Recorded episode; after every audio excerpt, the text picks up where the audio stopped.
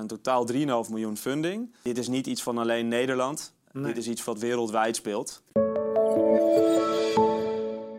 Leuk dat je kijkt naar deze video van 7D-TV. Ehm, wij spenderen heel veel geld en moeite, werkgevers doen dat, om eh, werknemers gelukkig te maken en te houden. Maar op basis van welke data en welke informatie doen ze dat eigenlijk? Healthy Workers helpt daarbij en de oprichter die is bij mij te gast, Boy Lokhoff.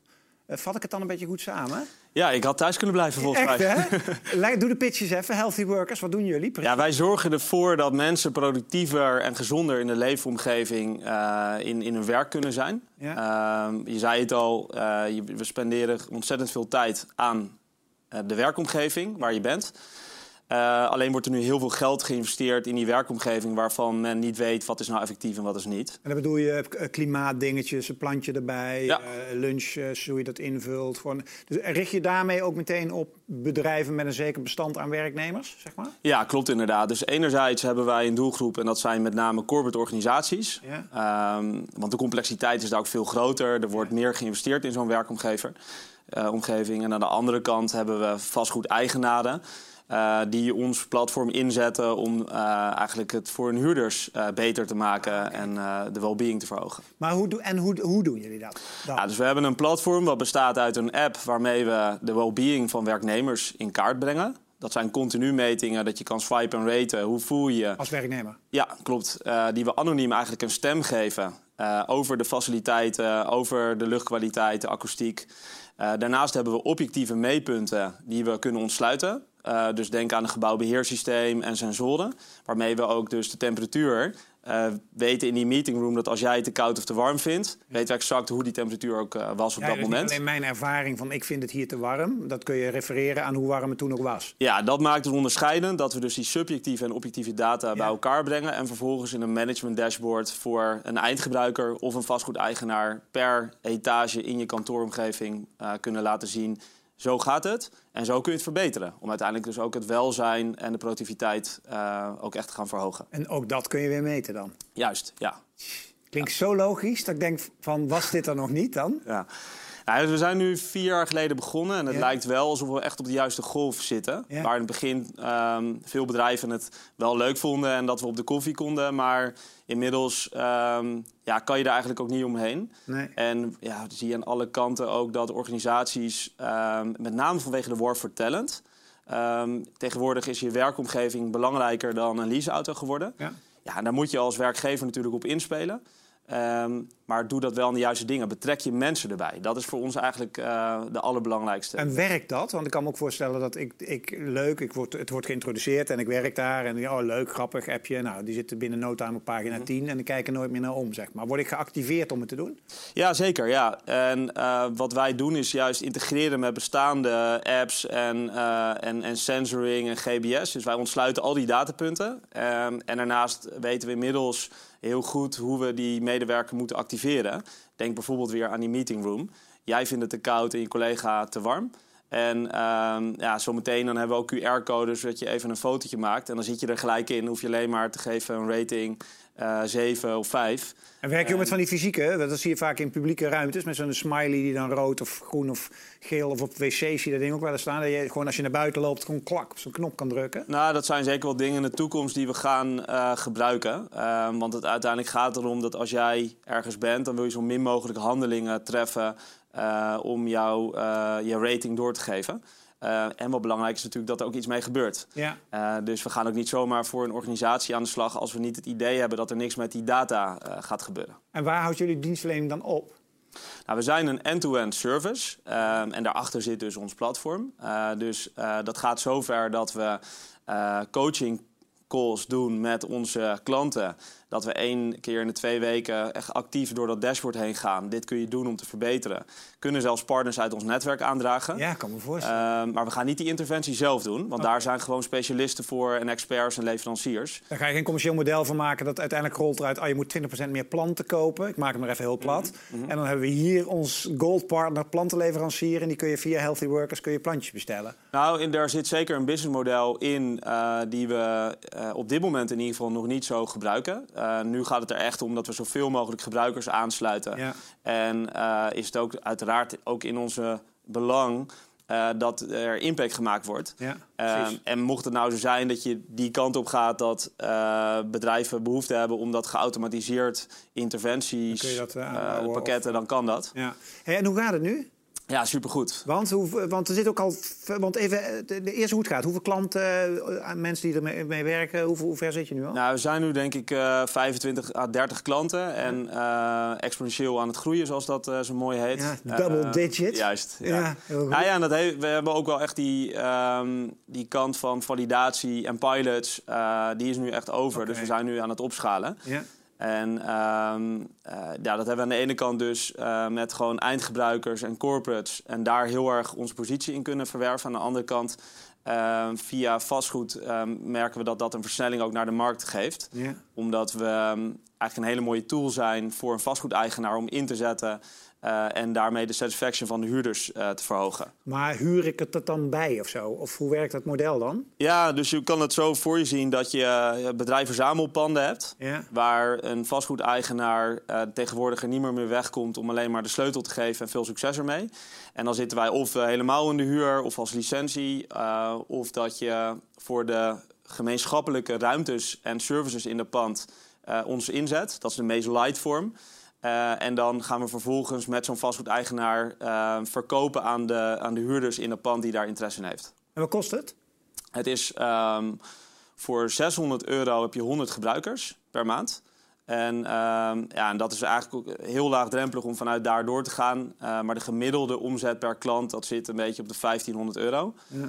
En ehm, ja, dat is een beetje hoe dat eruit ziet. Grappig en zo schaalbaar als maar zijn kan natuurlijk. Ja, super schaalbaar. Ja. Ja. Ja. Hey, jij bent eh, al een tijdje aan het ondernemen. Ooit was je fruit aan het bezorgen. Een tijdje de, eh, met je vader in de reiswereld actief geweest. Ja. Dat ging niet goed. Klopt. Wat zijn de belangrijkste, misschien wel harde lessen die je uit dat ondernemersverleden hebt meegenomen?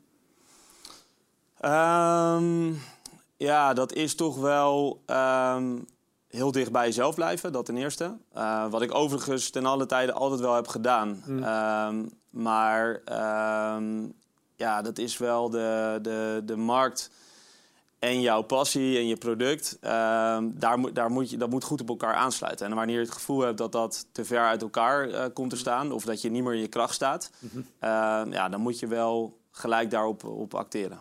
Want hoe ben je dit bedrijf begonnen? Is het allemaal eigen middelen geweest? Of, eh, want er zit nu extern geld ook in, toch? Want je hebt geld opgehaald, toch? Ja, klopt. Eh, we hebben nu drie investeringsrondes gedaan, waarvan ehm, eh, heel actueel de derde net is afgerond.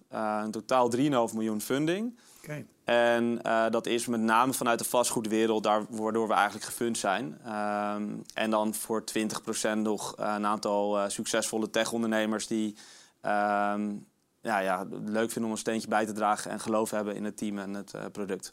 En heb je zelf nog wel aandelen over? Of, eh? Ja, zeker. Sterker Ja? nog, ehm, in de, de, de funding, eh, dat heet dan convertible loan, daar hebben die investeerders nog geen aandelen. Zo voelt het natuurlijk wel, want de intentie is dat zij gaan converteren. Ja.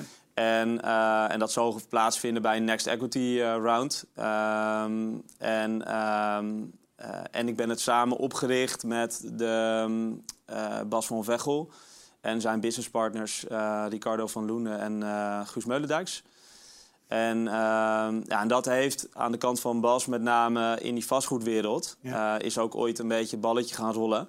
Ehm, waarbij ik eigenlijk zag dat dat een enorm mooi middel eigenlijk is waar eh, behoefte ook Ja.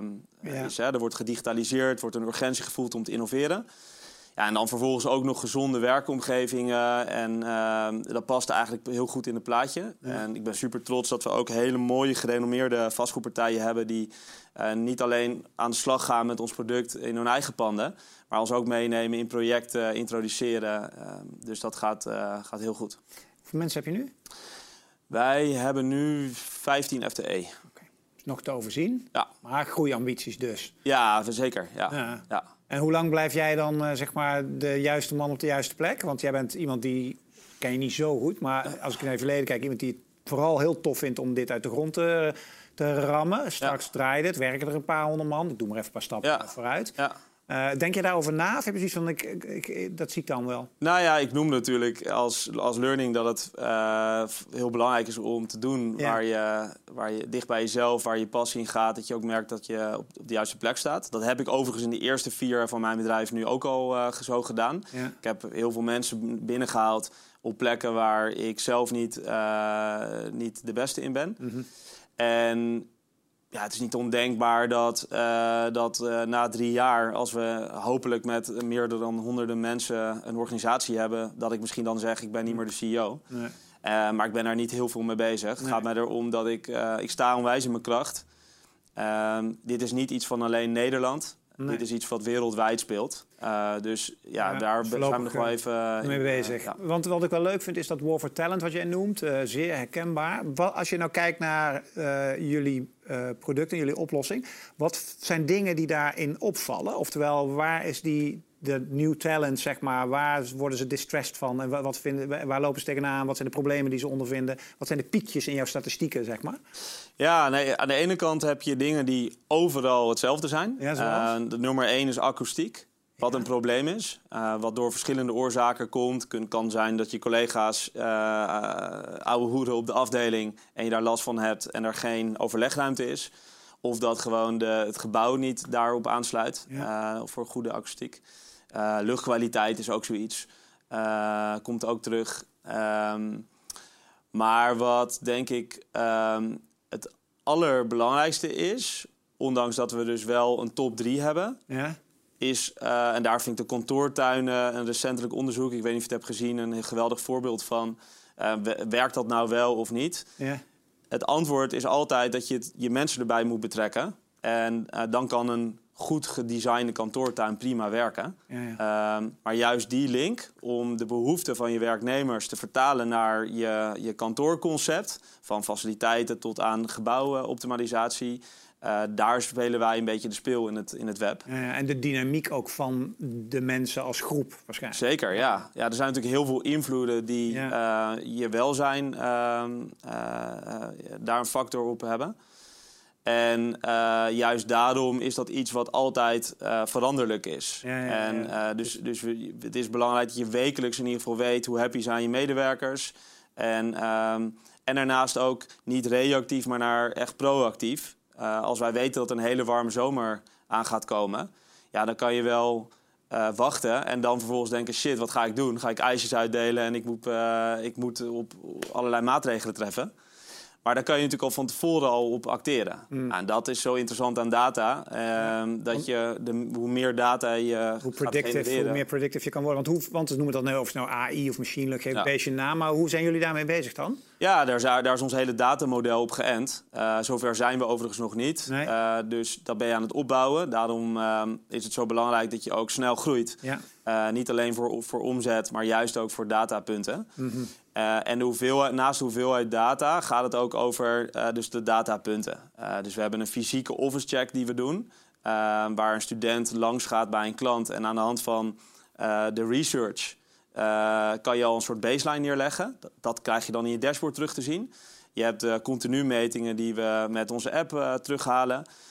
en dan heb je ook nog een gebouwbeheersysteem wat je ontsluit. Nou, en aan daarvan kan je dus veel slimmer ehm, je klanten uh, behoeden en zorgen dat er productieve mensen zijn. Heb je al, kun je al resultaten in je verkooptraject gebruiken van medewerkerstevredenheid? Want wat zijn je KPI's uiteindelijk? Is dat medewerkerstevredenheid? Nou, de well-being. Uh, en uh, we hebben ook een Be Well model daarachter hangen. Dus building, body en business. En binnen het building domein zijn we nu bezig om, ehm, om, om daar impact op te maken. En um, ja, een wekelijkse uitvraag van uh, hoe productief was jouw werkweek? Wat had er verbeterd kunnen zijn? En, uh, nou, en daar hebben we ratings aan gekoppeld. En dat uh, zorgt ervoor dat je daar heel mooi op kan benchmarken en op kan sturen. En het begint natuurlijk eerst bij je eigen kantoor eh, pand of panden waarop je gaat benchmarken. En de next step is dat je dus ook ehm, ja, de, een hele markt of type bedrijven zelfs kan, Ja, eh, man, kan oh, je wordt- uitfilteren. je wordt helemaal... Ja, goed, daar kan je wel Ja. even over door. Zo, als, ja, maar inderdaad, als je groter groeit, dan kun je van alle hand eh, benchmarks en onderzoeken. Ja. En, en, want hoe internationaal denk jij nu al? Op, is dat, speelt dat nu al? Of, want hoe faseer jij de groei? Ja, nou, we hebben echt een global ambition. Ehm, en ehm, eh, ik verwacht tussen nu en anderhalf jaar dat we onszelf klaarmaken voor een internationale uitrol. Ehm, en de eerste stap ligt hier in Nederland om hier ons marktaandeel eh, te vergroten. Ehm, ja, daar zijn we denk ik heel aardig op weg, maar we hebben echt nog wel wat werk aan de winkel. Eh, we krijgen best wel tractie al uit het buitenland. En waar trouwens als ondernemer best lastig is om dat nog even nee tegen te Ja, zeggen. man. Ehm, maar het is niet ondenkbaar dat we echt al eh, misschien wel eind dit jaar al een, Ja. wat eerste projecten in het buitenland eh, doen. Ja. En dan eh, vanuit daar doorpakken. En, want ik vroeg het in het begin al even, hoe ziet het competitive field eruit? Zijn er andere partijen? Heb je een soort risico dat er een paar grote partijen in beeld zijn? Of eh, hoe, hoe ziet dat eruit? Ja, het, het risico is natuurlijk altijd. eh, maar op dit moment zie je eigenlijk dat op delen van onze oplossing dat er concurrentie is. Ehm, maar niet op de continu metingen en het verbinden van Ja. die objectieve en subjectieve data Ja. eh, in een end-to-end model. Ja. Eh, dus eh, daarop zullen we doorgaan. En het feit dat we dus funding aantrekken, is ook om first mover te blijven op dit domein. En uh, nou, in het ergste geval komt er een andere partij en dan ben je tweede. Dat, dat is natuurlijk ook geen verkeerde positie. Maar het is wel belangrijk om snelheid te maken. Uh, dus we zijn wel heel erg bezig met het internationale concurrentieveld. Gaan ook naar internationale conferenties.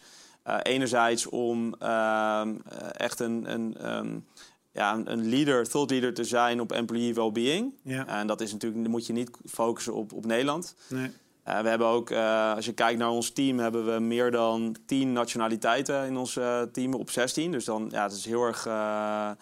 En een dame uit Australië, dat is ons well-being specialist, Elise. Eh, waar de markt tien jaar vooruit loopt als het Mm. gaat over gezondheid. En dat halen we wel in ons, die kennis in ons team. eh, om zo meteen snel te kunnen gaan uitrollen.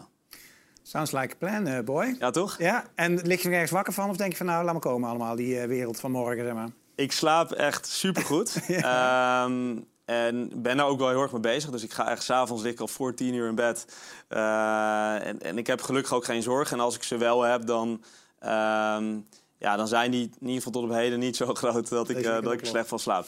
Ik wens je heel veel succes, boy. Dankjewel. En, eh, en dank voor dit gesprek. Alright. En uh, dank dat je wilde kijken naar weer een aflevering op 7D TV. Vond je dit een leuke aflevering? Abonneer je dan op ons YouTube-kanaal. Uh, abonneer op onze nieuwsbrief. En kijk nog veel meer van dit soort toffe gesprekken voor nu. Dankjewel. Hoi.